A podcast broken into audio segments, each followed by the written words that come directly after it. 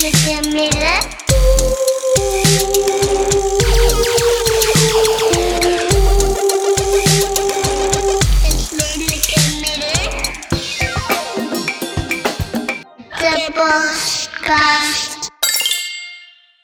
allemaal bij weer een nieuwe aflevering van Het Redelijke Midden.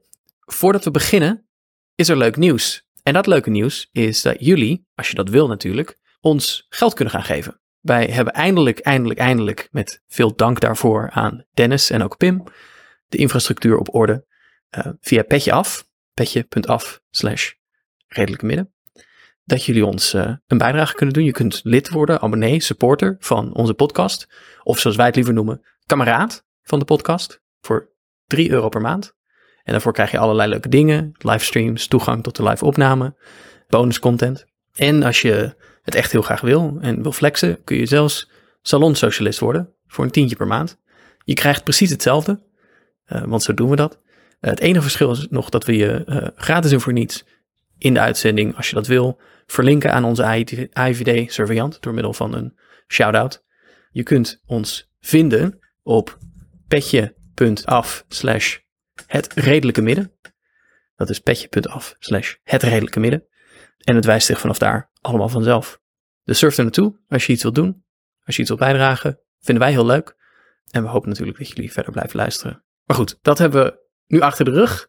Kunnen we eindelijk beginnen aan de echte uitzending. Want we hebben een heel erg leuke gast vandaag, of niet Farah? We hebben zeker een ontzettend leuke gast vandaag. Hallo allemaal, ik ben dus Farah en ik zit er vandaag met Thijs en met niemand minder dan eh, Quincy Gario. Ehm, en vandaag gaan we het hebben over het Nederlands Cultureel en Koloniaal Archief en hoe kunst ehm, dat kan gaan vormgeven of ons de mogelijkheid kan geven om dat op een, door een nieuwe blik te zien en te herinterpreteren en waarom dat zo belangrijk is. En hoe Quincy daar ook een bijdrage aan levert met zijn werk. Eh, voordat we gaan beginnen, Bombini Quincy, leuk dat je er bent. En hoe gaat het met je? Gaat goed. Ehm, ja, ehm, ehm, voor, voor de luisteraars, eh, Bombini is een, eh, is een, eh, een soort van welkomstgroet in het papiermens. Ehm, dus dat is wel tof om te horen. Met mij gaat het goed. Lekker aan de slag, lekker bezig. Nadenken over wat, wat voor soort van interessante projectjes we nog meer kunnen doen. En hoe we nog meer mensen een beetje op de kast kunnen jagen door eh, aan te geven dat we er zijn. Juist, ja, heel belangrijk. hey, Quincy, ik wil je vragen voordat, eh, voordat we gaan eh, beginnen aan, aan ons gesprek. Of je misschien iets ehm, leuks hebt gelezen of iets interessants hebt gelezen of gehoord, gezien de afgelopen week. ehm, wat je misschien met onze luisteraars zou willen delen.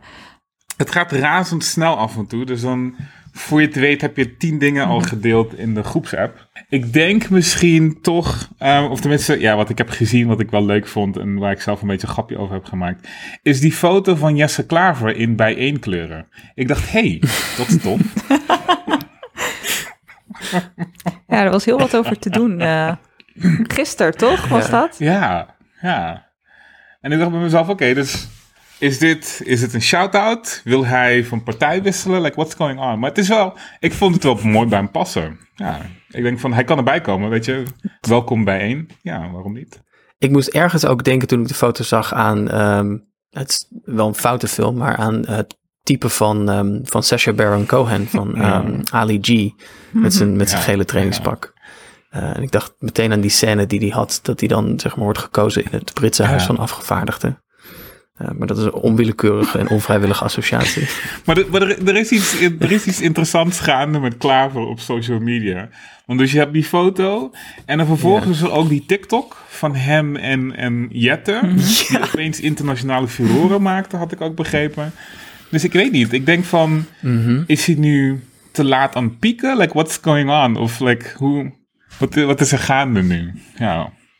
Of misschien, Ik ben vooral benieuwd naar wat zijn persvoorlichter hem allemaal vertelt over wat hij wel en niet moet doen. Ehm, eh, inderdaad, hij is ontzettend actief nu onder voornamelijk eh, ja, jongeren door middel van al die Ja. apps die hij eh, gebruikt, TikTok en Instagram. En Ja. Ja, maar die, ik, ik, ik vond het wel wat hebben, dat, eh, dat pak van... eh, en dan ook gewoon de reacties erop van... Oh, wat erg dat hij dat draagt. En een echte politicus kan toch niet zo gekleed gaan. Ehm, en dan allemaal foto's die ik voorbij zag komen van andere politici... in echt veel slechtere kleding, die, wat gewoon getolereerd wordt uiteraard. Eh, dus er was iets met die, dat trainingspak wat toch iets triggerde bij, bij een groot deel van Ja, maar Nederland. trainingspak, ik denk, ik denk het is ook een interessant gegeven als je nadenkt inderdaad over die associatie met Ali G en, en Sacha Baron Cohen. Mhm. Maar ook als je het beseft dat straatcultuur, straatcultuur, ehm, straatkleding, hoe dat ook met een bepaald eh, cultuur met een kleine c wordt Mhm. gezien. En, en we zagen het tegelijkertijd ook, want ik denk dat dit ook weer gelinkt is aan de hele ophef die er was rondom Kautar en Haarbroek. Ehm, Dus het is een soort van hoe er gekeken wordt van wat is nou parlementswaardige kleding. En hij heeft op deze manier een hele interessante soort van bliksemafleiderfunctie om die druk weg van Kautar te halen in richting zichzelf. En ik denk van oké, dat is wel wat een leider betaamt te doen. Ehm, Ja, maar ik denk dat ik dus als misschien cultuurwetenschapper net iets te veel erin lees. En ik, weet je, maar dat kan, dat is mijn soort van beroepsdeformatie. Maar ik denk, ik vind het wel interessant om daarover na te denken. Om ook te, te zien en, en te beseffen van, er waren heel veel Kamerleden die weg zijn gegaan. De gemiddelde leeftijd van Kamerleden is weer omlaag gegaan. Dus er gebeurt nu eigenlijk iets ehm, qua aandacht voor wat er daar binnen met die 150 mensen gebeurt. En ook wat dat zegt over ons als land. Want in vergelijking met andere landen hebben we eigenlijk veel te weinig Kamerleden voor de, de hoeveelheid inwoners die we hebben. We hebben ook ehm, veel te weinig fractiemedewerkers voor Kamerleden. Ten opzichte van de, de ministeries en de hoeveel honderden duizenden FTE's die daar rondlopen. En dan denk je bij jezelf, oké, dus er, er wordt op een bepaalde manier nagedacht van hoe kan je culturele, visuele esthetiek inzetten om aandacht te vestigen op hetgene wat daar gaande is. En dat is wel fascinerend om Ja. na te denken. Van oké, wat betekent dit dan? En hoe kan je dit nog meer inzetten of over, over nadenken? Is het, is het ook iets van, toch ook wel recent, dat zeg maar politici een veel grotere nabijheid hebben? Precies, ehm, ja. ehm, voor, voor, en zeker ook voor een wat jongere generatie die, die echt op TikTok ook heel erg vertrouwd is. Maar ik, weet je, ik denk niet alleen aan Kouter natuurlijk, die ehm, ongelooflijk eh, sterke band eh, lijkt te hebben met, met haar achterban via Instagram. Ehm, weet je, er zit een element rondom Jesse, hoewel dat soms ook een beetje gepolijst wel is. Maar ik denk ook aan bijvoorbeeld eh Farita Zarkan, ehm, die, eh, die ook zeg maar een soort beetje een meme-achtige eh, ja, imago nu heeft van, van ja, die, die, die met zijn kooltrui en zijn pak en zo. En dat mensen ook twitteren, twitteren van wanneer zien we Farid eigenlijk in zijn trainingspak? Ehm, hè, want dat, dat willen we allemaal graag zien. Dus dat, Ja, ja, En dan denk ik ook Ja. bij, bij Farid is het wel fascinerend. Want ehm, ik weet nog dat Lubach probeerde hem nog op de hak te zetten. En hij sloeg gewoon keihard terug. En toen dacht ik van, hé, hey, dit is interessant. Ehm, en nu ook dat hij eh, eh, op Twitter een soort van een Frans Bauer sighting heeft gedaan. Waarbij iedereen ook helemaal stuk ging. dacht ik van, hé, hey, fascinerend. ja, Ehm, die, die nabijheid of die afstand die er was ten opzichte van de Tweede Kamer had ook te maken met klassen. En wat we nu zien is dat er een soort van ehm, ander soort klasse is toegelaten. Of, of zijn plek heeft verworven of aan het verworven is daarbinnen. Ehm, en ik denk dat dat ook te maken heeft met een soort van toegankelijkheid van wat politiek überhaupt is. Dus taal.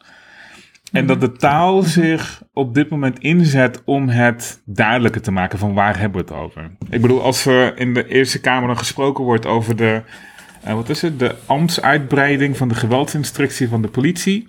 Dan denk je van, oké, maar wat, dat is gewoon een killer kop wetgeving. Waarbij ze eigenlijk gewoon politieagenten niet meer zo Ja. zwaar willen straffen als ze over de scheef gaan. Dat, dat is wat het is. En wat je ziet is dat organisaties en, en groepen als Lilith Magazine, Control All Delete, die zitten er bovenop. En ook een organisatie als De Goede Zaak, die Ja. weet het heel goed te vertalen richting een gangbare vocabulaire. En dat is wel iets nieuws, denk ik. Want lobbywerk wat we hiervoor hadden, bleef toch een beetje achter gesloten deuren. Weet je, dan heb je wel een Amnesty die voor de schermen heel goed met, met mensen kan praten, maar achter de schermen totaal andere taal gebruikt. Of een eh, Greenpeace, dat ook zichzelf activistisch heeft neergezet, maar tegelijkertijd steeds meer. ehm, wat je merkt is dat ze steeds meer een beetje ehm, aan het verschuiven zijn. Qua, qua uitingen, qua aandacht, eh, qua acties. Ehm, weet je, die, die, Ja. die ijsbeer, iedereen heeft het nu wel gezien. Dus wat is het volgende? En dan zie je een groep als Extinction Rebellion, waar heel veel over te zeggen is. Maar die gaan gewoon eh, de ruiten van banken inslaan. Dan denk je van, wat what's going on here? Ja. ik vond het zo'n merkwaardig beeld. Ik kon, er, ik kon er niet uit wijs worden wat daar nou... Want het was ook... Het, het zag er een beetje... Ja, het zag er koddig uit met die, met die bijteltjes zo en zo. Van, Ja, en ik moest tegelijkertijd ook denken van, ze komen ermee weg. Ehm, ja, als ik, als ik überhaupt in de buurt kom van een bank met een bijtel of iets, dan ben ik al tegen de, de vloer aan, aangewerkt. Dan denk ik, oké, dit, is, dit is interessant. Want ik, ook bijvoorbeeld die actie in het eh, Van Gogh Museum met ehm, olie van volgens mij een paar jaar geleden. Nu zijn ze dus fossil free. Maar ook daar zag je dat er een bepaald soort van lichaam werd ingezet, een bepaald soort van gevoeligheid werd ingezet op, op een andere manier een, een kwestie aan te kaarten. En ik denk dat die, om terug te breien naar een soort van Klaveren en zijn, eh, en zijn Nike eh, ehm, gele pak, dan denk je van oké, dit is een ander soort van gevoeligheid dat aangesproken wordt, ehm, wat ik wel meer zou willen zien. En het, het voelt aan de ene kant omdat we hem natuurlijk hebben gezien met zijn kooltrui en zijn uh, ruiten, zijn, zijn ruitenjasje ehm, gedurende de verkiezingen. Dan denk je nog steeds van, mm, is this genuine or not? Maar aan de andere kant, ik denk de invloed van mensen als... Van, van al die verschillende manieren waarop er nagedacht wordt over de volgende generatie en de verjonging van, van de politiek.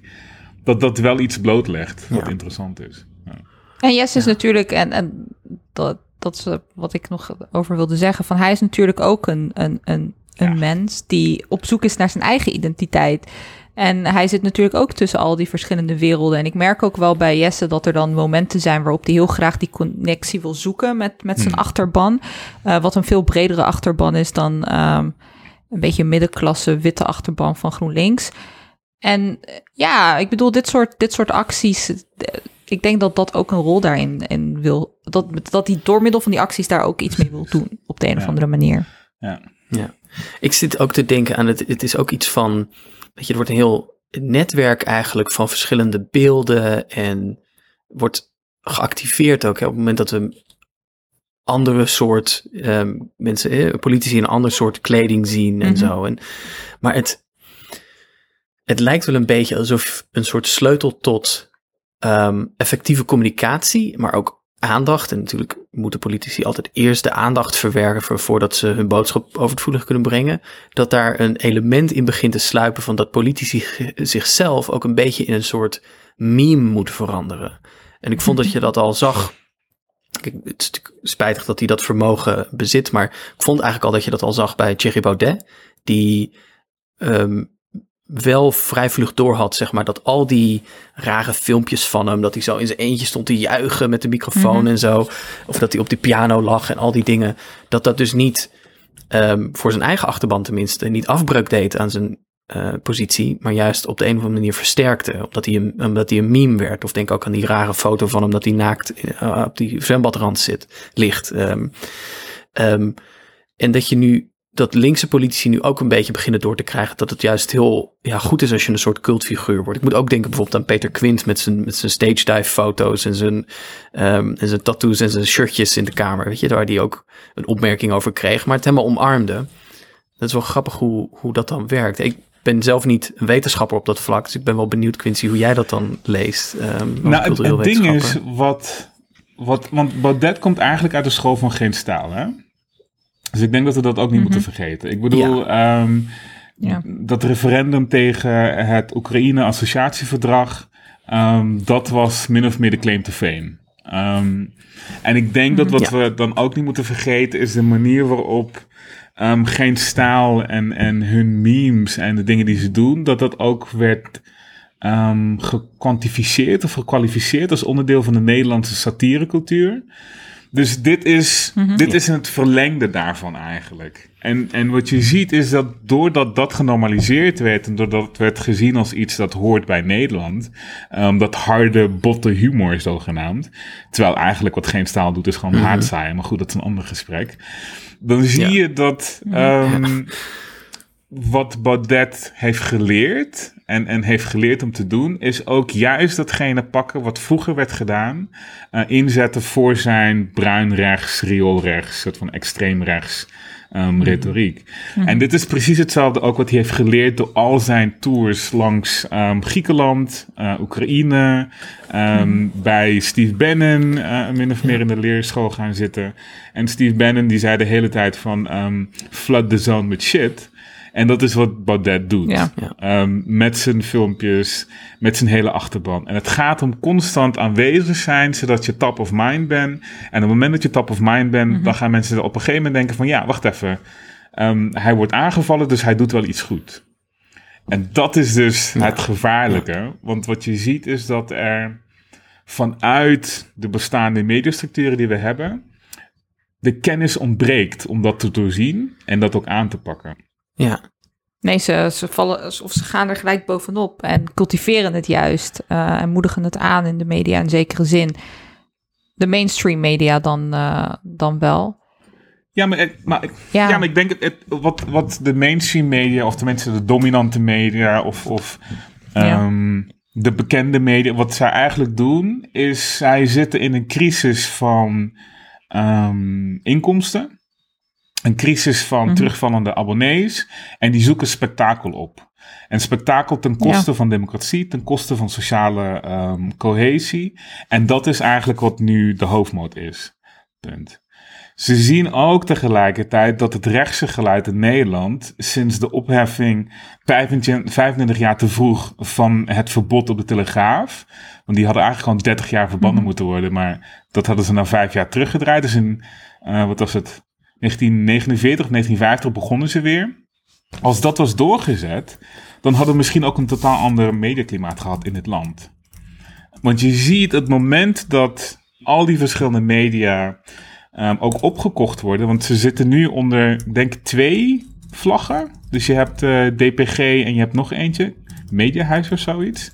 Ehm, ja zoiets. en dan besef je dat wat er, wat er gedaan wordt door niet alleen die grote te pakken, maar ook de regionale, is dat ze allemaal volgens hetzelfde principe nu aan het werk zijn. En dat is spektakel en dat is een soort van rechtsgeluid neerzetten, of om ophef, of om verankeren van een soort van conservatief rechtsgeluid, wat al eh, dominant is in Nederland, ehm, wat niet tegengesproken wordt als we het hebben dan over een soort van die meme-cultuur en, en ehm, de kennis dat ontbreekt om dat te doorbreken, komt het omdat er niet geïnvesteerd wordt in journalistiek.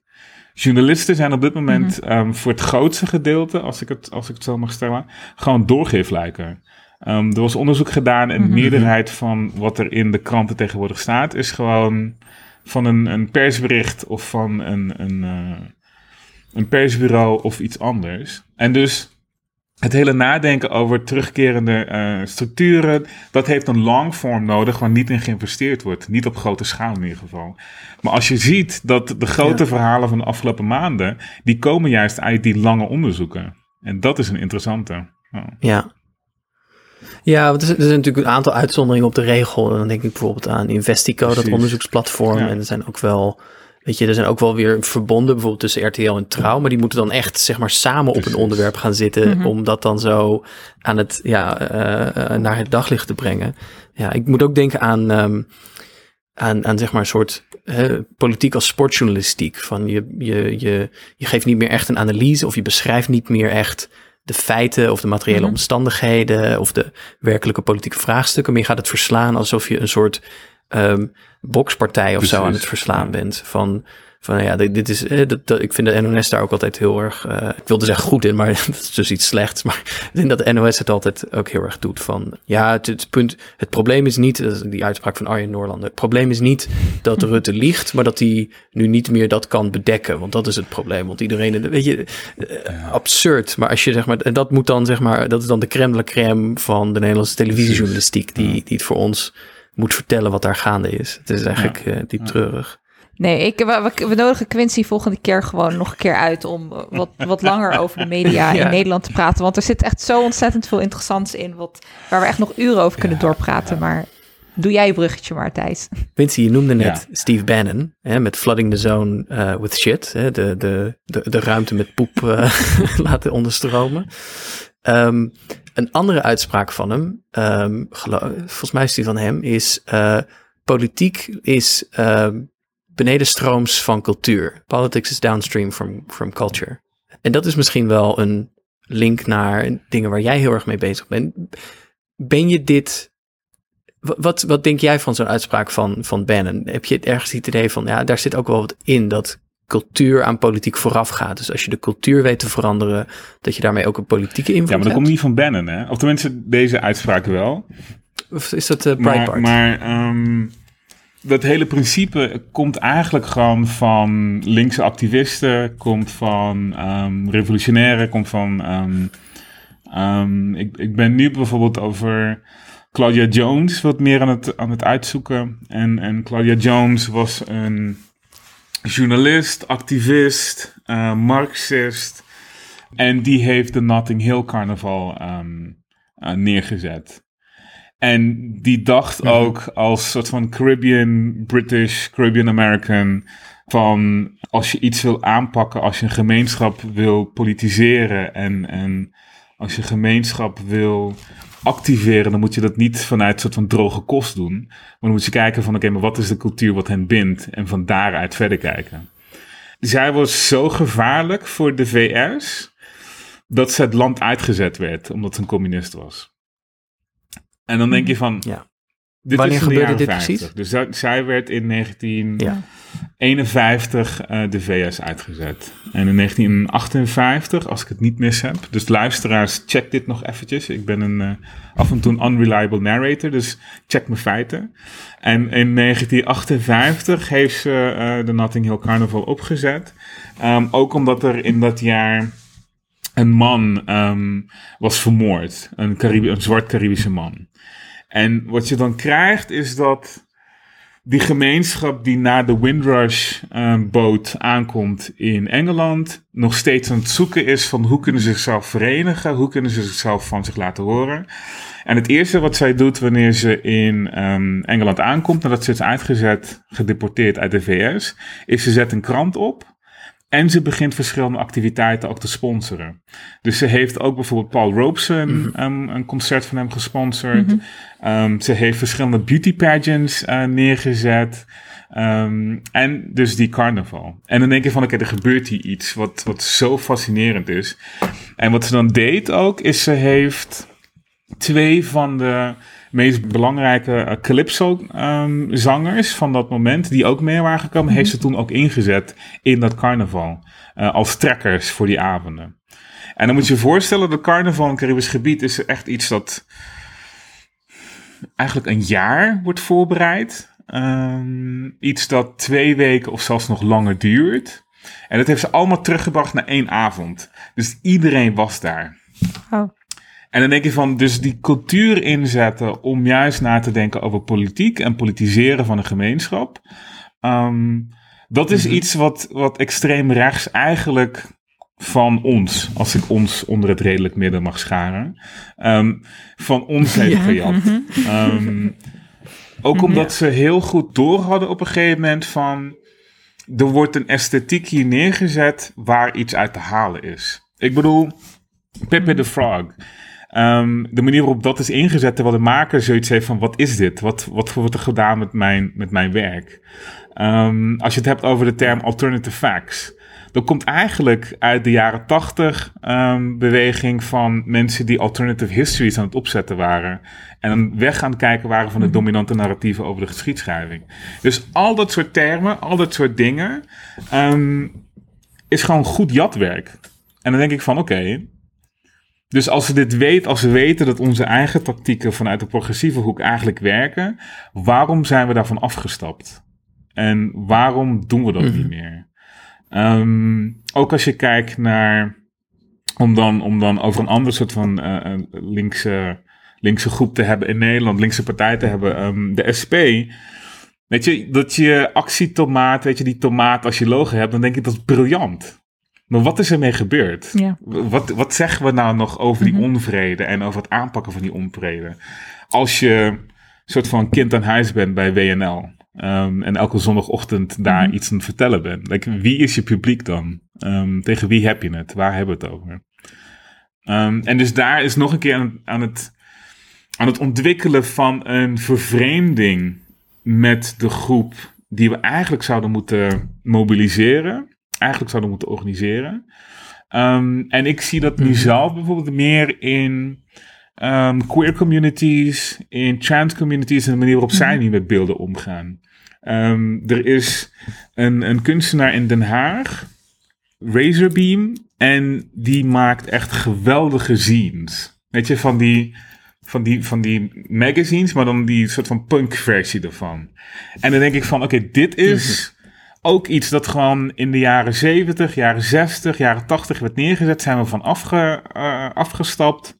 En nu komt het weer terug in al die verschillende kleine, kleine sectors. En al die verschillende ehm, gemeenschappen die zoiets hebben van wij worden niet vertegenwoordigd. Wij zien onszelf niet meer terug. Dus we moeten het zelf gaan doen. Ehm, en dus cultuur is, is definitely heel belangrijk onderdeel van het, het aanpakken van de politieke cultuur die je wil veranderen. Ja. Of een vehikel. Ja. En het is zo interessant dat het juist in deze periode is waarin er zo ontzettend veel bezuinigd is op de cultuur. En de cultuur soort van. ehm, ja, met, eh, met een soort van dédain nu een beetje bekeken wordt vanuit rechts, eh, vanuit rechts Nederland. Specifiek gezien omdat cultuur altijd. En ik denk ook wel in, in, in mensen hun algemene geheugen dat, dat het wel geassocieerd werd met progressieve idealen en een progressieve boodschap. Eh, en dat rechts nu een beetje een manier probeert te vinden om cultuur zich weer toe te eigenen in zekere zin, maar dan ook niet ver- verder komt dan het aanhalen van oudere metaforen, oudere symbolen. Daarom ook dat Thierry Baudet niet verder komt dan een Renaissance Instituut of de Griekse en Romeinse cultuur, klassieke cultuur, et cetera. Die angst bestaat ook echt daadwerkelijk voor eh, de verandering daarin en wat dan die toekomst zou moeten zijn.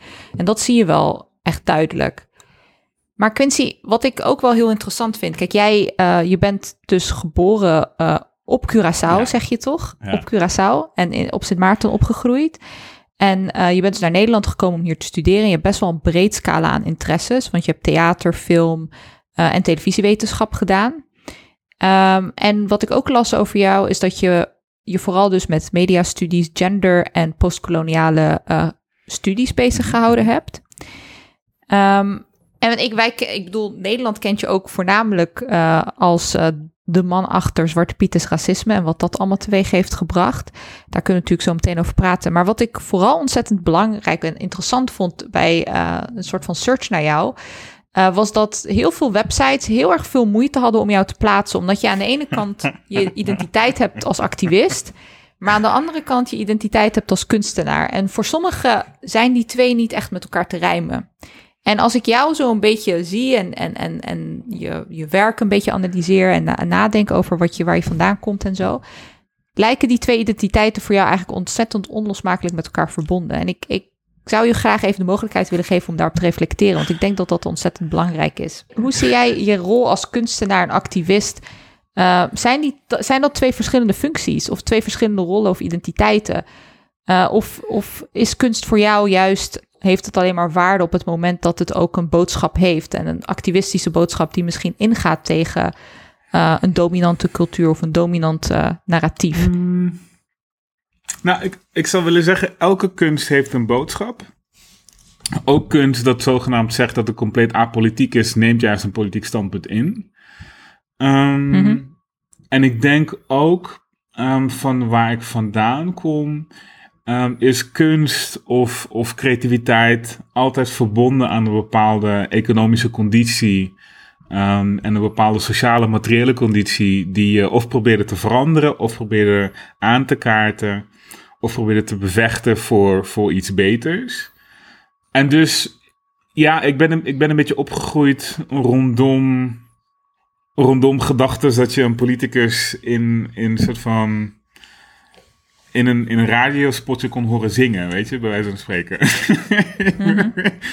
Ik bedoel, Ja. we hebben het, het spotje van Denk gehad, dat je de hele tijd Denk, Denk, Denk hoorde.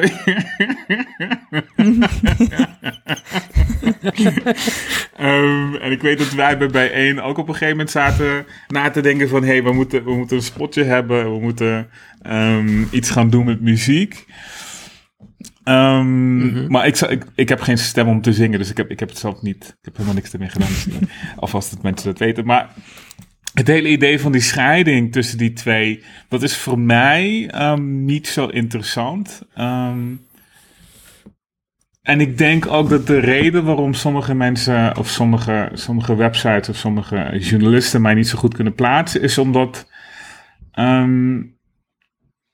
ik een beetje onvoorspelbaar kan zijn daardoor. Omdat het niet in één hokje te vatten is. Maar dat is tegelijkertijd ook het hele ding van een soort van intersectioneel handelen. Is dat het juist constant gaat over al die verschillende verbindingen samen zien. ehm, en nadenken over hoe ze, hoe ze betrekking hebben op onderdrukking. En hoe ze betrekking hebben op juist ehm, liberation en bevrijding. En bijvoorbeeld, eh, we hadden het voordat we begonnen met opname over de podcast die ik had met Gijs Groenteman. Ehm, en dat was toen in het Stedelijk Museum. Ehm, en na afloop van een best wel soort van gespannen gesprek, had ik het gevoel na afloop bij hem. Ik, ik vond het wel een leuk gesprek, maar goed, dat is een ander, dat is een ander verhaal. na afloop kregen we een tour van de opbouw van de, eh de Suriname die beneden werd ehm, opgericht op dat moment. En ik had het gevoel alsof hij niet echt begreep wat er gebeurde. Omdat aan de ene kant hebben we een heel politiek gesprek. En dan vervolgens zitten we beneden. En ik krijg een persoonlijke tour van de curators. En ik kan af en toe met de curators spreken over de schilderijen die er zijn, wie er allemaal zijn. En je zag hem echt nadenken van wie is deze man? En dan denk ik van ja, maar we hebben allemaal verschillende kanten. En we hebben allemaal verschillende interesses en dingen Ja. die we doen. Ehm, Hmm. en ik denk dat de manier waarop ik dat uit is ook een beetje een soort van unapologetic. Een soort van ja, Mhm. ik, ik hou wel van een heel diep filosofisch gesprek over een trainingspak. Weet je, let's go. Ja, Wij ja ook. en dan vervolgens ook denken van Ja. oké, ehm, als het erop aankomt om, om aan te geven dat eh, eh, de gemeente Amsterdam de, de opvang voor daklozen weer heeft stopgezet, dan moeten we massaal mobiliseren en activeren om dat tegen te gaan. Weet je, dan denk ik van, als ik, als ik gevraagd word om bijvoorbeeld in Rotterdam naar een presentatie van het onderzoek over eh, de connectie tussen Rotterdam en slavernijverleden, dan, dan ben ik daar aan de ene kant een soort van kunstenaar die daar wat mee doet en daarmee aan de slag is. Maar tegelijkertijd, op het moment dat een wethouder daar zit, dan ga ik hem ook vragen wanneer komt nou die excuses van Rotterdam voor het slavernijverleden. Ja, en wat je ziet is dat die, die, Ja. die wethouder die loopt dan te, loopt dan te zoeken voor een uitweg. ehm, van om die vraag niet te beantwoorden. Hij krijgt het niet. Maar wat hij dan wel doet, is mij proberen neer te zetten als soort van. Nu ben je al het goede werk wat mensen hebben gedaan terzijde aan het schrijven om het te hebben over dat ene punt. En toen had ik zoiets van nee, al dat werk komt neer op dat ene punt. En ik denk dat dat ook een van de dingen Ja. is waardoor ehm, in hoe mensen misschien over mij denken te schrijven, dat ze niet snappen dat het, dat het allemaal gaat richting dat ene punt. Over een soort van hoe bevrijden we ons Ja. allemaal van de systemen waar we in zitten. En is dat dan omdat mensen jou, omdat mensen een soort idee hebben over wat een, ja, wat voor een soort rol je kunt spelen als kunstenaar en dat je je daar dan ook aan houdt en dat ze dus het moeilijk vinden omgaan als je door die, als je daar eigenlijk mee breekt, als je door dat verwachtingspatroon heen breekt en dat ze dan helemaal toch een beetje onthut zijn, maar ook de andere kant op, dat zo'n curator met wie je dan een gesprek hebt, ehm, kennelijk had verwacht dat je daar eh, alleen maar over activisme kon spreken misschien. En dus verbaasd kennelijk reageerde op ehm, het gesprek dat jullie hadden over eh, de kunst en het beeld en ehm, wat en de betekenis Nee, nee, de curator zelf, Bart, Bart Krieger, die ken ik al langer. En die is... Die Oh, is- sorry. Oh, dat be- begreep ik. Gijs. Oh, maar het was, Ja, ja. Oh, het was de Ja, podcastmaker. Ja, nee, Gijs, die keek een beetje soort van verbaasd Sorry. van, hoezo ken je deze mensen en, en what's, going on here? Ja. Oh, oké, oké, oké. Sorry, Ja. ik was even, ik was even van de wijs gebracht. Maar dat valt zoals je ook zegt, hè, Quincy, samen met het idee dat eh, mensen van kleur in Nederland eh, best wel een eh, unidimensionaal of eendimensionaal karakter toebedeeld Ja. krijgen. Ehm, en, en, en dat er heel veel verwarring ontstaat op het moment dat ze opeens veel kleurrijker en veel multidimensionaler blijken te zijn dan dat, dan dat er gedacht wordt. En daar zit een soort, daar zit echt een ongemak. En, en daar, daar, daar, daar, zou je echt, daar zouden we echt een gesprek over moeten aangaan. Het idee dat. eh, en, en ook gewoon, ik, ik, ik had pas geleden een gesprek met iemand waarbij ik ook zei van. Emancipatie van mensen van kleur, niet alleen maar in termen van ehm, dat ze hun verscheidenheid kunnen laten zien en, en, en, en met verschillende, met hun benen in verschillende eh, posities op vers- verschillende posities kunnen staan. Maar dat ze ook gewoon het recht hebben en recht kunnen krijgen om te provoceren. En ik vind dat dat echt een recht is wat hier in Nederland en, en ik denk ook in andere delen van de wereld ehm, nog steeds een recht is wat niet verworven is. En provoceren op meerdere vlakken. Ik bedoel, mensen van kleur mogen uiteraard eh, ook objecte ideeën hebben in zekere zin. En dat, zeg maar, die contradicties, et cetera, daar moet ook ruimte voor ontstaan op een gegeven moment. En, en dat is er vandaag de dag niet. En ik denk ook dat de emancipatiestrijd daar ook mee samenhangt. Ehm, en dat brengt, dat, dat brengt me nu bij het, het onderwerp wat we eigenlijk vandaag eh, met jou wilden bespreken. En dat is ehm, het idee van het Nederlandse culturele archief. En het idee van het Nederlandse culturele koloniale archief voornamelijk. Ehm, en jouw pogingen in je werk ehm, en in wat je doet en schrijft, eh, om dat cultureel archief anders te herinneren en te interpreteren. En wellicht ook vorm te geven met je eigen kunst. Ehm, en de term komt van ehm, Edward Ja. Said uit zijn eh, eh, boek Culture and Imperialism, 1993 uitgegeven. En voor de mensen die dat niet weten, Edward Said is een literair criticus eh, met een Palestijnse achtergrond. In Amerika heeft hij gewoond en gedoseerd. En hij verwijst naar ehm, een archief, niet zoals we dat in de geschiedenis vanuit de geschiedschrijving kennen als iets wat concreets is. Eh, wat ergens in een ehm, hoekje van een, eh, van een archief staat of eh, ergens op de zolder van je oma. Maar het is een breder archief wat verwijst naar kennis die er bestaat in de samenleving, de lichaamstaal, taal in het algemeen, beelden en gevoelens vooral, die zonder dat we dat Mhm. echt beseffen, ongelijke verhoudingen in de samenleving articuleren en reproduceren. En hij Ja, zo'n stelt. cultureel archief. Ja. Ik vergelijk het een beetje met een soort keukenkastje waar allemaal ingrediënten in staan.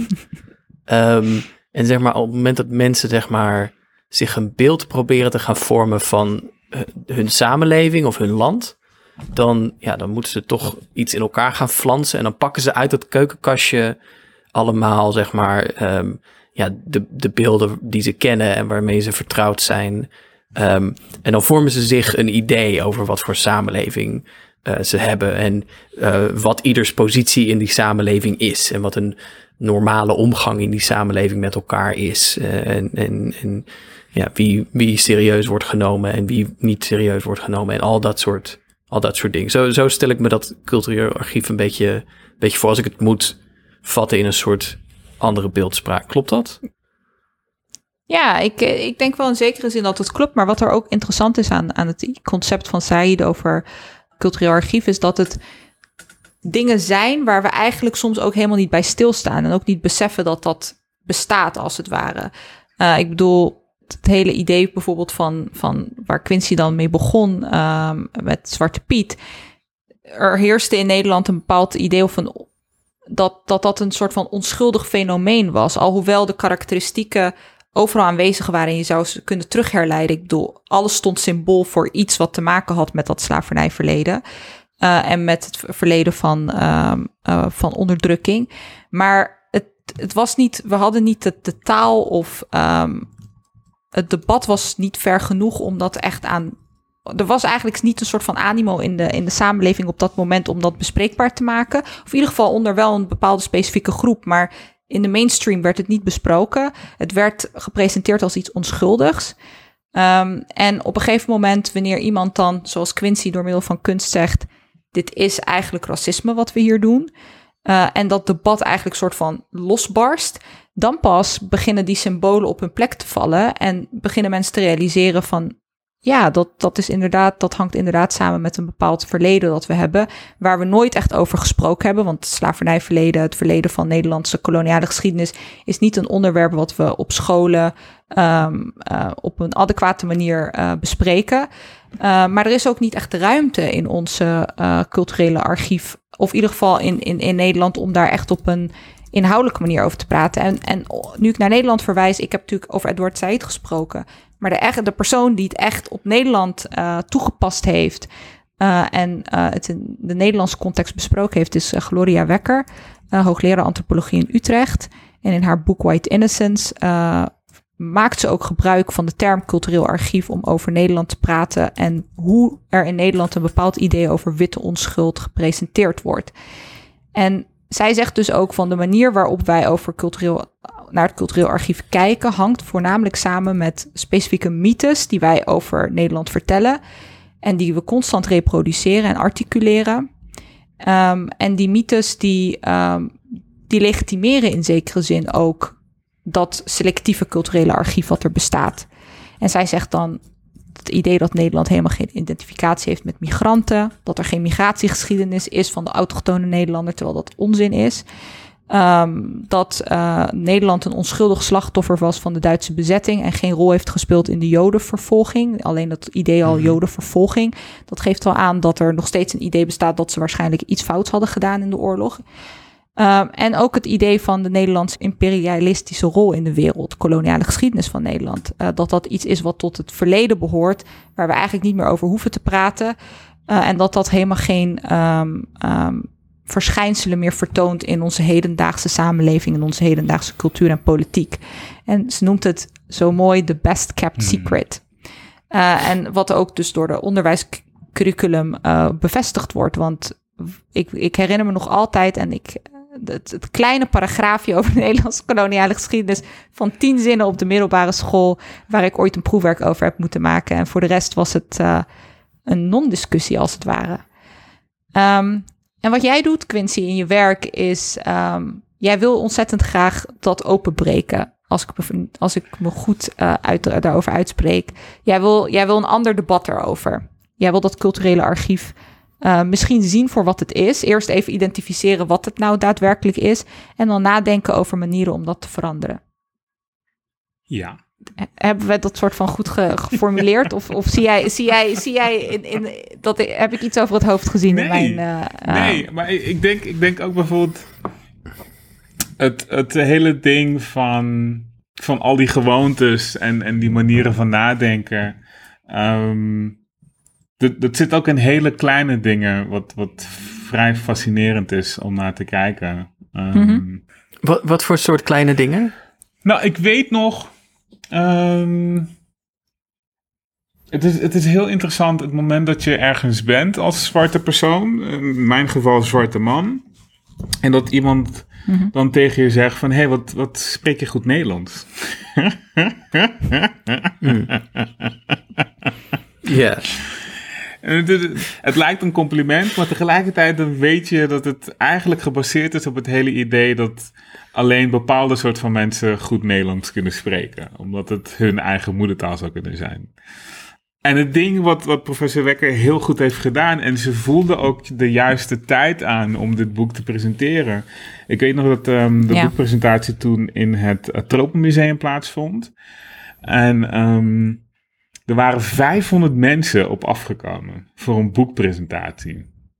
En dan denk ik van mezelf, holy crap. Um, en, en dan sta ik dan op het podium samen met, met Job Cohen om een soort van eerste exemplaar in handen te nemen. En dan kijk je uit en denk je van, wauw, um, dit is groundbreaking. Wat is dit tof? Wat is dit belangrijk? Wat is dit een mijlpaal in de Nederlandse geschiedenis? Om dan vervolgens een paar maanden later te zien dat ze in gesprek moet gaan met Dylan Yesilgus eh, bij Bijterhof. In plaats van dat ze net als bijvoorbeeld David van Rijbroek gewoon de volle aandacht krijgt om in het programma te praten over haar onderzoek en wat ze heeft neergezet. Dat is ook weer zo'n van, die, van die dingen waarbij je zoiets hebt van. Hmm, ehm, Hmm. Ja, dus in plaats van dat ze, zoals andere auteurs van boeken, daar één op één over wordt, eh, eh, aan het woord wordt gelaten, moet ze in een soort geforceerd debatje met iemand plaatsnemen, die helemaal niks Ehm, weet. Ja. waarmee ook... Ja, maar ook Die- niet zomaar ja, iemand. Hè? Ze, wordt ook, ze wordt ook tegenover een andere Vrouw van eh, kleur. vrouw van kleur gezet. eh, Ja. Van een rechtse politieke partij die eh, dus kan gaan bevestigen dat wat professor Wekker schrijft eh, een soort van selectief verhaal is, wat, eh, wat, ja, wat niet door andere mensen van kleur gedeeld zou kunnen worden. Eh, dus dat, dat vond ik vooral zeg maar het, eh, het, het moeilijke en het pijnlijke aan die aflevering. Dat het vooral dat het Dylan per se was die daar werd neergezet. Oh, omdat Buitenhof daarmee de functie vervult om het politiek onschadelijk te Mhm. maken. Mhm. Ja. Mhm. En dan wat ik tegelijkertijd ook heel tof vond aan aan die hele ontwikkeling van een soort van witte, van white innocence naar witte onschuld, ehm, is het feit dat professor Wekker het in eerste instantie ook in het Engels heeft geschreven, omdat ze niet wist of er in Mhm. Nederland genoeg aandacht en animo zou zijn om het boek op te pikken. En dan denk je bij jezelf, Ja. dat zegt ook iets over ehm, een bepaald academisch klimaat, een bepaald intellectueel klimaat, ehm, het publiek discours en, en hoe dat vijandig is ten opzichte van bepaalde dingen. Ehm, ik bedoel, ik, ik werd zelf. ehm, ehm, ik werd zelf op de dag van, wanneer was het, 17 maart? Dus op de dag van de, van de eh, laatste dag van de verkiezingen, dat mensen konden stemmen, was er een opiniestuk verstrenen in het Parool van eh, eh, de kunstenaar Tinkerbell, waarin ze zei dat ze niet op bijeen ging stemmen omdat ik op de lijst stond. Omdat ik haar ooit racist had genoemd. Ja. Maar het is, het is wel fascinerend omdat ik dat, dat nooit heb genoemd. Dat is één. Ehm, en het tweede was, wat er dan gebeurde, is eigenlijk dat er een soort van onvermogen was om na te denken over de inhoudelijke argumenten die mensen presenteren, waarom een bepaald Ja. praktijk of een bepaalde manier van werken ehm, schadelijk is. En dat zie je heel vaak Ja. met verschillende soort van gesprekken die gaan over inclusiviteit, eh, diversiteit, antiracisme. Die gaan over milieubeleid, die, over een soort van. ehm, over migratie. Weet je, dat nog steeds migratie gezien wordt als een probleem dat opgelost moet worden. En dan denk ik van, ja, daar zijn we inmiddels 500 nog wat jaar te laat mee. ja. En dan wat betekent oplossen? Oplossen klinkt als een soort van de final solution die mensen ook hadden bedacht ten tijde van de Tweede Wereldoorlog. Ehm, dus ook dat soort Ja. gedachtegoeden denk ik van, wat is het niveau waar we op praten en waar moeten we eigenlijk naartoe? En ik denk dat met mijn werk probeer ik juist, ehm, probeer ik juist ehm, ehm, aan de ene kant aan te geven van, hey, ik vind iets over iets. Mhm. En ik hoop dat jij daar ook iets van vindt. En, en ik ga graag het gesprek aan over datgene. Want is dat zeg maar hoe je zo'n cultureel archief eigenlijk ehm, dan ja, toch gaandewijs aan een noodzakelijke, van een noodzakelijke update Ja. voorziet? Hè? Dus dat cultureel archief dat maakt. Je had het net over het voorbeeld van hè, dat je soms het tussen aanhalingstekens compliment krijgt over hoe goed wel je, jou, jouw Nederlands wel niet is. Ehm, ik moet denken ook aan een anekdote in vergelijkbare trant van, van ehm, professor Wekker, die vertelde over een conferentie waar ze aanwezig was. En waarbij zeg maar, een, eh, eh, een witte man eh, van een bepaalde leeftijd haar dan haar, zijn jas uitdeed. En zo met de jas in de hand zijn hand arm uitstak naar professor Wekker van nou, jij zult wel de garderobe hier runnen. Ehm, en dat dat ook, hè, omdat die man dus dan dacht met dat keukenkastje van hem van associaties, ehm, zwarte vrouw, ja, die, die kan hier nooit zijn voor het academische deel. Die Mhm. zal wel in de, in de, in de Ja. garderobe werken. Ehm, maar zo'n cultureel archief van associaties is dus niet, het is niet iets ehm, wat helemaal onveranderlijk is. Je kunt daar dus ja, dingen uitpeuteren of vervangen of andere dingen instoppen. Hoe, gaat hoe, hoe, hoe, hoe doe je dat dan? Ja, dat is, dat is een hele goede vraag. Ik denk dat er verschillende tactieken voor zijn. Het heeft ook te maken met een soort van opbouw van kritieke massa. Ehm, maar tegelijkertijd heeft het, is het ook een kwestie van ehm, schakelmomenten en linchpins. Als je een linchpin probeert Mhm. of weet ehm, uit te schakelen, dan valt het hele kaartenhuis in één. En ik denk dat dat een interessante gegeven is als we nadenken over het veranderen van het cultureel archief. Of, of eh, de kwalijke dingen die erin zitten eruit proberen te slopen of te veranderen. Of ehm, aan te geven dat er een soort van, niet zozeer vernieuwing, maar een herrijking nodig is. En de manier waarop Mhm. ik dat doe is, is ehm, en ik, ik had het pas vrij laat door, hoe ik het nou precies deed. Maar ik begin altijd met anekdotes die ik thuis heb gehoord. Ja. Dus dat hele dominante narratief, dat hele gigantische van dit is het verhaal dat je moet weten over dit onderwerp. Dat Mhm. wordt al thuis min of meer teniet gedaan. En het amplificeren van dat soort verhalen. En, en dat ook zien niet zozeer als bronmateriaal waar je ehm, mee om kan gaan en dan vervolgens verder kan gaan. Weet je, de, de, heel vaak als je mensen ziet werken met een brongemeenschap, tussen, haken, tussen aanhalingstekens brongemeenschap, dan is het iets voor één project en dan gaan ze door met iets anders. Weet je? Maar dat kan niet met je eigen familie. Want die zijn er altijd. Precies. En als je het verkeerd zegt, dan krijg je het ook meteen te horen. En het, het leuke ervan, wat ik zelf vind, is dat de waarde van de verhalen die je thuis meekrijgt, ehm, in, een, in een soort van setting waarbij je niet behoort tot de dominante groep, dat heeft ook een herwaardering van die groep ehm, ten opzichte van de dominante groep in zich. Dus ehm, het hele Zwarte Piet is Racisme project is begonnen omdat mijn moeder mij vertelde dat ze voor Zwarte Piet was uitgemaakt op haar werk door een Mhm. collega. En dan denk ik van oké, wat moet ik hiermee? Ehm, moet ik naar haar werk toe om die collega verrot te schelden? Moet ik, moet ik daar voor de deur gaan staan? Wat, wat kan ik hiermee doen? Nou, ehm, ik ben niet zo van de persoonlijke confrontaties, dus dat, dat uitschelden van die collega, dat heb ik niet gedaan. Maar mijn moeder vertelde me toen ook van, doe dat ook liever niet, want dan gaat zij zelf meer ehm, issues krijgen. Dus dat werd een heel ander iets. Maar bijvoorbeeld een ander ding is het verhaal van de opstand op Curaçao in 1969. Ehm, en hoe mijn moeder dat heeft meegemaakt. En mijn ooms en mijn tantes. En dat is vervolgens een, een, een stuk geworden. Dat we in binnen- en buitenland hebben opgetreden. Dat we in musea hebben opgetreden. Ehm, en waarbij ik samen met mijn moeder op podium stond om dat verhaal te vertellen. Waardoor je ook een soort van andere andere gedachten hebt over ehm, wat zijn de verhalen die onze, onze, onze moeders, onze ouders, onze elders eigenlijk met zich meedragen, die niet gezien of gehoord worden. En zo ben ik dan verder, verder gaan puzzelen en gaan nadenken.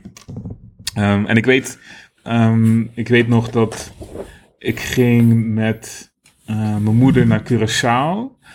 En toen heeft mijn oom ons een tas met Super 8 films gegeven. Gewoon een bruine zak, beetje stoffig. Hij zei van, hey, jij bent bezig met film en met Super 8 op dit moment. Kijk maar wat, er, wat erin zit en of het interessant is. Nou, schijnt dus beelden, of tenminste, ik heb het dus laten schoonmaken en, en laten digitaliseren door eh Onno Petersen in Amsterdam, die doet dat. En eh, die heeft het naar me toegestuurd. En wat stond erop? Ehm, de carnaval van 1983 in Utrecht. Nou, Hm. Utrecht, carnaval, nog nooit van gehoord. En ik heb acht jaar in Utrecht gestudeerd. Ja, dus ik belde, me, ik belde mijn oom op en ik zei van, wat is dit? Hij zei, ja, ja, dat was een, dat was een carnaval, 1982, 1983. En op de film eh, zie je dat hij een van die parade... ehm, een van die paradetrucks heeft ontworpen. Dus daarom stond hij ook te filmen met zijn Super 8 camera. Dus het is een soort van, holy crap. Um, Jan Skerkhoff, um, Hoogkaterijnen, uh, de jaarbeurs. En je ziet duizenden en duizenden uh, um, mensen. Mensen van kleur, zwarte mensen, heel veel mensen aan de zijkant die staan. En toen dacht ik van, maar hoe kan ik in Utrecht hebben gestudeerd, postcolonial studies hebben gestudeerd in deze stad en nog nooit van dit gehoord hebben? Niet eens in het Utrecht Ja. Museum is er wat over te vinden. Niet eens in het Centraal Museum. Gewoon, gewoon nergens. En zo ben ik dus gaan nadenken van... Oké, maar wat betekent het dat juist in de stad waarin, waarin in 1713... weet je, de vrede van Utrecht werd gesloten... eh, waar ook Mhm. onder andere de slavernij en, en de slavenhandel werd geregeld... dat dan 200 nog wat jaar later... juist die mensen die door dat document ontmenselijkt werden, hier hun menselijkheid staan te vieren. Like, wauw. En dat mijn oom dat gewoon in Ja. zijn schuur had. in een bruine zak. Ja, En als jij er, en Ja. als jij er niet actief naar had, of in ieder geval niet mee bezig was geweest, dan, dan was het ook gewoon ergens verdwenen of was het daar gebleven. En hadden we er misschien niet over gehoord in zekere zin of in specifieke contexten Ja. alleen. Maar dan was het meer een familie, eh familiedingetje in plaats van dat het zo gelinkt is aan wat jij ook zegt, die dissociatie die er ontstaan is tussen dat verleden en het heden wat we vandaag de dag hebben. Ehm, en dat is het ook, want je bent ook natuurlijk heel erg historisch bezig, eh, Quincy, in je, in je werk. Ik, heb, ik wil heel graag dat je wat meer vertelt over ehm, eh, een van je projecten, eh, Sorts of Aesthetic Extractions from a Conversation, uit eh, 2020, waarin je dus ook, wat ik ook merk is, je, je bent heel erg bezig ook met het nadenken over de historische link tussen wat zeg maar de, de kolonies waren van Nederland en, en het zogenoemde moederland of het centrum wat Nederland Ja. is hier. Ehm, en, en wat die verhoudingen waren historisch gezien en wat het betekend heeft in termen van ehm, ja, ook uitbuiting in zekere zin. Ja. Ja, dat, ja, dat was een, dat was een grappig, grappig werk. Ehm, ik was uitgenodigd door Sarah Blokland en Wayne Modest. En Wayne Modest is eh, eh, de directeur van het Nationaal Museum voor Wereldculturen. En de directeur van de Research Center for Material Culture. En ehm, die waren verbonden aan een project genaamd Imagining the Nation. Opgezet door ehm, onder andere Fransje Guadeloupe. En dat ging over de manier, of een Imagining the Nation ging over hoe ehm, in de klaslokalen op de eilanden Sint Maarten, Sabas en Eustatius het hele idee van nationhood werd neergezet. Dus daar, daar zijn allemaal verschillende onderzoeken Mhm. uitgekomen. En daaraan gekoppeld willen ze dus ook een tentoonstelling zetten. En toen hebben ze ehm, eh, Sarah Blokland gevraagd om dat te cureren. En Sarah die vroeg dus mij, ehm, Rachel Moron, ehm, die ook betrokken is van eh, This is not a playground. Weet je, die groep die ehm, dat werk van Erik Kessels bij Foto Breda ehm, min of meer te sprake heeft gebracht van dit is niet hoe het hoort. Dus uh, nogmaals shout-out naar, naar Rachel. En ehm, Kevin Osepa. En Kevin Osepa die heeft laatst eh, de videoclip geschoten voor dat nummer van onze inzending voor de Eu- Europese Song Contest. Hmm. Dus weet je nog die hele mooie clip Ook.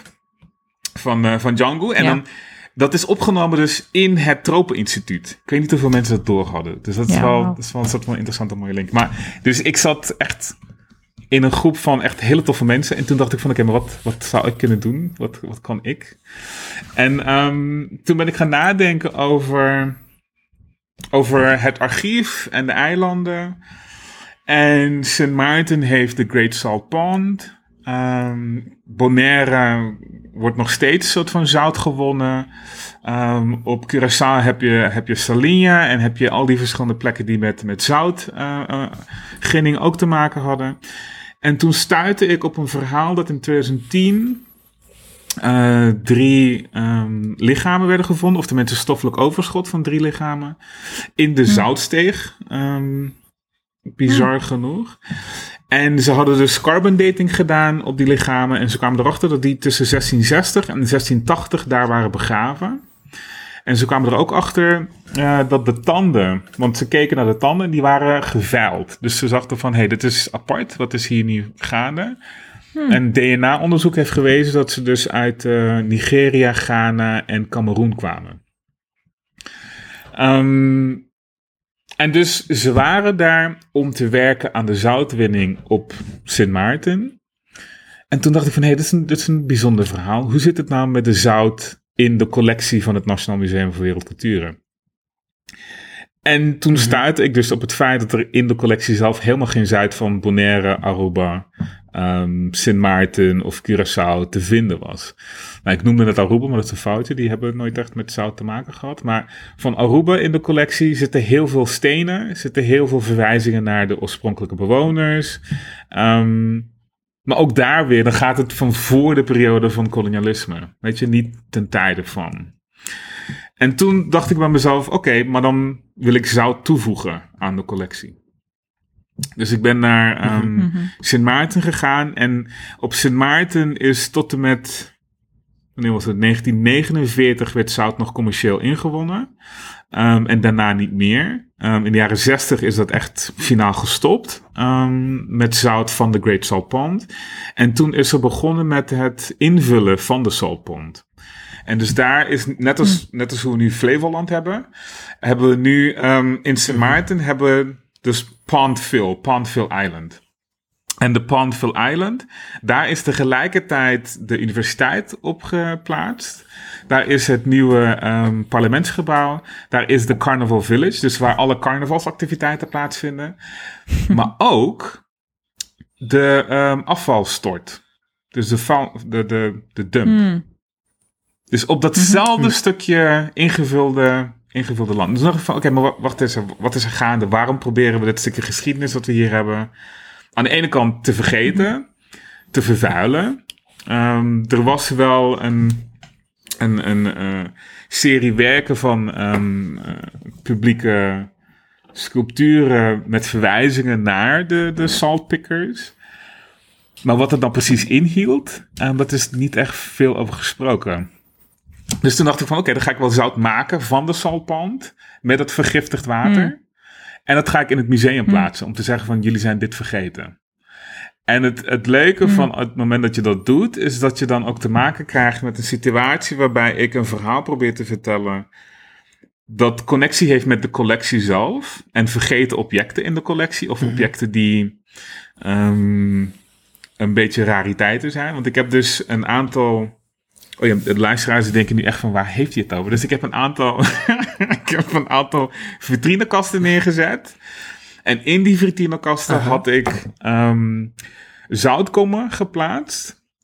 Dus met zout die ik, op, eh, die ik op de traditionele wijze had gewonnen van de Salt Pond. ehm, en van Grand Cout, dus van de andere kant van het eiland, de Franse kant. Gekoppeld met objecten uit de collectie. En dat waren eh, boeien. Ehm, dat, waren, dat was een, een, ehm, een zoutkom. eh, die meegenomen was door de Portugezen. En in 1952 uitgeleend was van het Rijksmuseum naar het ehm Tropenmuseum toen de tijd. En daarna nooit meer naar teruggevraagd. Want het was een stukje een beetje beschadigd. Maar het was ivoor. Dus dat zat, dat zat er allemaal in. En het bizarre was. Twee of drie dagen voordat de tentoonstelling openging, toen ehm, liepen mensen van het museum rond in de show.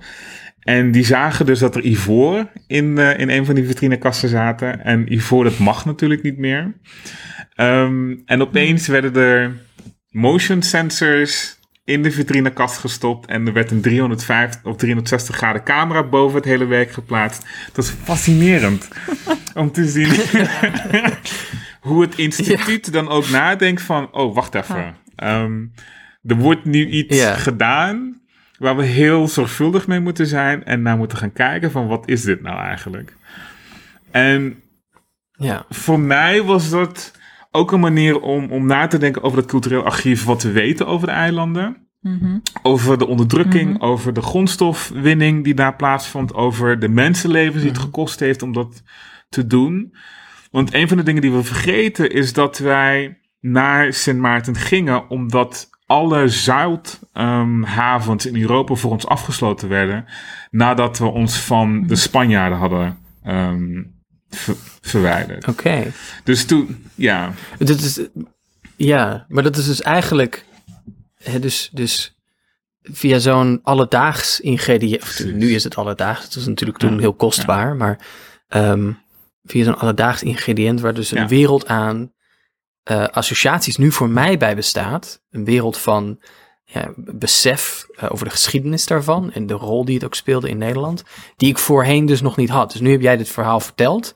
En nu kan ik dus nooit meer aan zout denken zonder te denken Mhm. aan de zoutwinning op Sint Maarten en de slavernij die daar Ja. eh, bij hoorde. Ja, dat vind ik wel, dat vind ik op zich, ja, dat vind ik, vind ik, vind- het is een, ehm, natuurlijk een gruwelijk verhaal en een gruwelijke geschiedenis, maar ik vind het gaaf om te merken aan mezelf dat dat dan zo werkt. Dat dus juist door zo'n alledaags object, ehm, dat dat nu in mijn keukenkastje een andere betekenis heeft gekregen. ja, Ik moet nu opeens denken aan een hele mooie quote van eh, een Iraanse filmregisseur, Abbas Kiarostami. eh, die ook zegt van eh, um, art sees things through um, of in close-up. uh, and it focuses our attention and it teaches us not to cast blame so freely. It doesn't make judgments, it informs and teaches. And it allows the camera to circulate in places it might not otherwise go. En dan zie je dat zout, jouw, jouw zoutwinning van, van dat eh, vervuilde water in zo'n museum opeens, als het verhaal daarbij verteld wordt, eh, associaties creëert waar, eh, waar je natuurlijk wel een soort van een, normatief oordeel over hebt in zekere zin, maar aan de andere kant ook wel ehm, het, het, het verhaal op zo'n manier presenteert dat de kijker of degene die de, naar de kunst kijkt, daar ook van alles uit kan halen voor hem of haar persoonlijk. En dat is denk ik ook wel de kracht daarvan. Eh, dat is een verhaal wat je met kunst meer kunt vertellen dan ehm, door iets in de politieke scene, als het ware. Of zelfs in de, in de, in de wetenschap. Wij schrijven natuurlijk in de in geschiedenis ook over commodities, et cetera. Maar eh, vanuit een hele andere invalshoek. En bij kunst ligt dat zo open en dat maakt het zo ontzettend mooi. Ja, ik, nou, ik, ik weet niet of het zo open ligt. Aan de ene kant ehm, wil ik natuurlijk wel dat dit verhaal over zout en het plaatsen in het museum ook een bepaalde reactie opwekt. Dus ik wil ook. Ja, dat Ja, dus, wil. en, en dat gebeurde ook bij Ja. het museum. Dat het museum dan, in plaats van dat ze. ehm, in plaats van dat het zout dat ik gewoon gewonnen had met mijn moeder, bij wijze van spreken, als, als waardevol werd gezien, ging het om die andere objecten in die ruimte. Maar vervolgens claimde dat dus alles. Ja, Dus alles was opeens een heel belangrijk en heel kostbaar. En binnenin die instelling werd er dan ook, ook aangepakt. En ik zeg dit nu niet om de instelling zelf soort van neer te zetten van oeh, ze wisten niet waar ik mee bezig was. Nee, ik denk dat ehm, de mogelijkheden die ik heb gekregen van Wayne en ook van Sarah om dit zo neer te zetten, was juist om na te denken van oké, wat is de structuur? En wat moet je met zo'n museum en wat moet je met zo'n collectie als je de 22e eeuw in wil gaan? Als je de 21e eeuw in wil gaan? Als je op een andere manier wil nadenken over dat geschiedenis en ook mensen daar naartoe probeert te trekken. Want ook zo'n tropenmuseum of zo'n Afrika-museum of zo'n wereldmuseum of zo'n volkenkundemuseum, dat zit vol met spullen die, ehm, die in een andere context een soort van verering waren van het koloniaal verleden. Maar met de huidige wetenschap nu en met de huidige toegang nu. Weet je, ik, ik had misschien 30 jaar geleden geen toegang gekregen om dit te kunnen doen. Maar nu ik die toegang heb, dan Ja. gebeurt er iets mee. En dan kunnen we ook op een andere manier nadenken van wat betekent dit? En hoe, hoe herstellen we de schade vanuit het verleden? En dus ehm, ik zie kunst ook als een vehikel om dat te kunnen doen, om die schade te herstellen. En niet zomaar ehm, geen oordeel te vellen of geen blaam te treffen. Want dan is het ook een beetje een soort van. Ik, ik wil juist dat iemand het werk ziet. En dat klinkt dan misschien heel heftig. Maar dat ze dan ook gaan denken van oké, morgen ga ik anders handelen. Of eigenlijk meteen al. Ja. Ja, maar dat is, dat is, ja, dat is, dat is, dat is de intentie. Maar er is ook wel, dat is uiteraard wat ik, wat ik daarmee wilde zeggen, van dat er geen blaam of dat er geen verwijten als het ware gemaakt worden. Dat, ik denk ook niet dat, dat Kiarostami dat op die manier zo bedoelt. Maar wat hij wel zegt is dat uiteindelijk die connectie tussen wat de kunstenaar maakt en wat de kunst, eh, de persoon die, Hmm. dat, die de kunst zeg maar ziet en tot zich neemt, ehm, dat er uiteindelijk toch wel een soort van vrijwillige, ehm, of er is een bepaalde openheid wat, er, wat blijft bestaan, dat er nog steeds de keuze ligt bij die anderen Ja. hoe je dat tot je Ja. neemt. En, Mhm. en, en dat is uiteraard een soort van democratisch Ja, iets, eh, wat binnen de kunst Ja. eh, ehm, ja, ook wel heel mooi is aan de ene kant. Maar het verhaal wat jij vertelt, Quincy, ik bedoel, en dat is wat een goede kunstenaar eh, doet. Dat is het verhaal vertellen op een manier wat overtuigend is. Wat, wat je gedaan hebt bijvoorbeeld met Zwarte Piet's racisme. Ik moet daar zelf constant aan denken, omdat ehm, ik me ook afvraag van... We hadden dat debat helemaal niet gehad misschien op zo'n manier als dat kunstproject er niet was geweest. Ja. d- Er zijn natuurlijk wel stemmen geweest, ehm, en daar heb jij ook heel vaak naar verwezen. Van er, er zijn mensen geweest die altijd al geroepen hebben dat Zwarte Piet racistisch is en dat het moest veranderen, et cetera. Het heeft ook in kranten gestaan, et cetera. Maar door middel van zo'n project eh, en een kunstproject is het toch op een gegeven moment zo ontzettend snel gegaan. En, en, en moesten mensen werden gedwongen als het ware om een standpunt in te nemen. Ehm, Ja, ja. Maar ik, ik, ik denk ook dat het. Het komt door het project, zeker. Maar het komt ook door handlangers. Ehm, mhm, Die zoiets mhm. hadden van: oké, hier is iets en dit moeten we. Dit moeten we gezamenlijk oppakken. Ik vind het wel mooi ook om dan stil te staan bij hè, dat die transformatie van het cultureel archief. Mhm. ehm, die is niet klaar als je de bordjes bij de kunst hebt aangepast aan de laatste inzichten. Mhm. Ehm, maar die gaat er met name ook om, wat jij zei, Quincy, van ja, 30 jaar geleden was ik niet in deze positie geweest, had ik niet Mhm. dit kunnen doen. Om wie er precies het archief beheert. Dus het, hè, de, de archivarissen van, van, van die verhalen die we vertellen. Het feit dat jij dus iets kunt toevoegen aan dat cultureel archief. Dat maakt het verschil. Ehm, omdat jij de kennis hebt, eh, dat kunt inbrengen. Ehm, Nou, ik, Ja. ik, denk dat het, ik denk dat het ook te maken heeft met een, een eh, bepaalde erkenning van macht. Ik denk heel vaak Mhm. mensen die op verschillende plekken van macht zitten, die ehm, willen die macht zelf niet. Of die, ehm, die verschuilen zich achter commissies en, en achter nog een onderzoek en nog een onderzoek en nog een onderzoek om iets aan te passen. Terwijl er eigenlijk gewoon mensen zitten die van morgen op, die van vandaag op morgen eigenlijk kunnen beslissen van hé, hey, er gaat gewoon een miljard naar een organisatie die we helemaal niet kennen. die gaan we allemaal testen laten uitvoeren. Juist. Dus die, die macht is er gewoon. Ook in verschillende culturele instellingen, ook in onderwijsinstellingen, ook in allerlei andere soort van structuren. Mensen, mensen hebben nou eenmaal bepaalde macht. En ik denk wat je ziet is dat wij in Nederland ehm, heel vaak in een situatie terecht zijn gekomen waarbij die macht of ontkend wordt, of ehm, via, via allerlei ehm, achterkamertjes uitgevochten wordt. En dat de gros van het volk helemaal Mhm. niet ziet wat er precies aan argumenten eraan vooraf gegaan zijn, maar alleen het eindresultaat zien van, oh, er is een keuze gemaakt. En ik denk dat wat, wat, wat we nu zien, is dat er binnen verschillende instellingen die het cultureel archief een soort van vorm geven, mede vorm geven naast ons allemaal, dat er mensen die zitten en die zeggen van, Mhm. hey, die instituten en die instellingen, die moeten veranderen, want anders sterven ze af.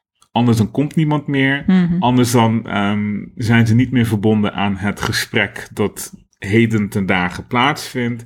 Anders dan, dan, dan functioneren ze niet op de manier waarop ze horen te functioneren. En dat is juist als plek van ehm, introspectie, als plek van kritische eh, gesprekken.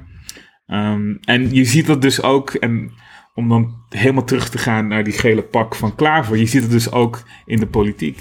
Ook weer daar wordt er nagedacht Ja. over, oké, politiek moet niet een middenklasse ding zijn. Het moet niet iets zijn voor witte mannen in pak. Het moet niet iets zijn ehm, waarbij ehm 3,5 miljard naar KLM gaat, maar vervolgens eh, zorgmedewerkers geen eh, zorgbonus kunnen krijgen of überhaupt een loonsverhouding die fatsoenlijk is. Dat kan niet. Dat kan niet meer. En wat je ziet is dat Ja. ehm, rechts heel goed speelt, eh, heel goed inspeelt op het hele idee dat mensen het zat zijn.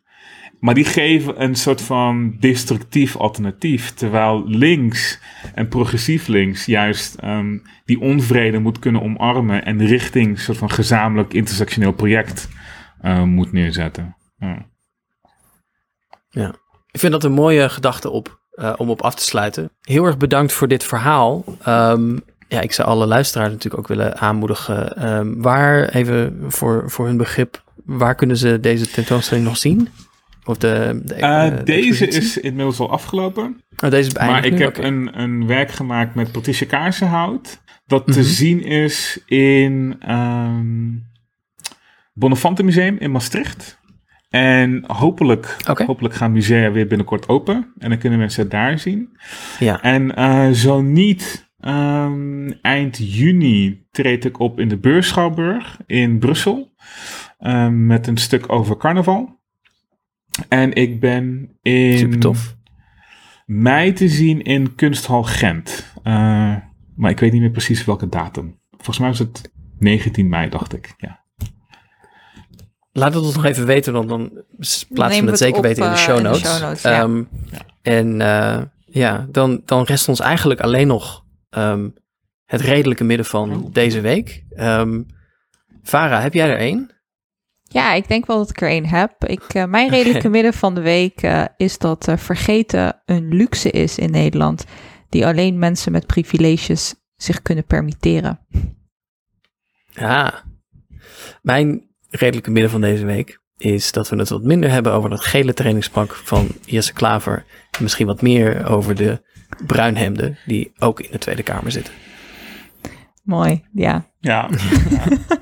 Had jij er nog Ja. een, eh Quincy? Ehm, mijn redelijke midden van deze week is. ehm, laten we niet bang zijn om naar de macht te grijpen. Mooi. Daar kan ik me vo- volkomen in vinden. Ehm dankjewel nogmaals Super voor het bedankt. verhaal, voordat je ehm, hier wilde zijn met ons. Ehm, en luisteraar, om nog me even tot jullie te richten. Ehm, wij waren natuurlijk Farah en Quincy en Thijs. Je kunt ons volgen op Twitter.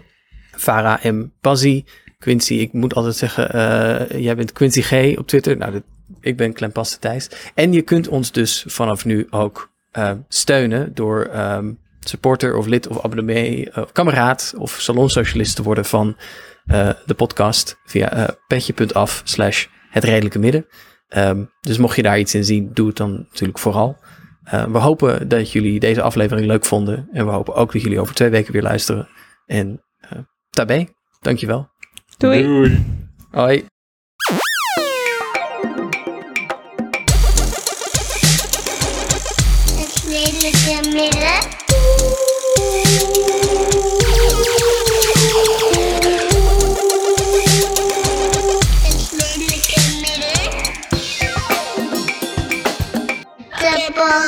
podcast.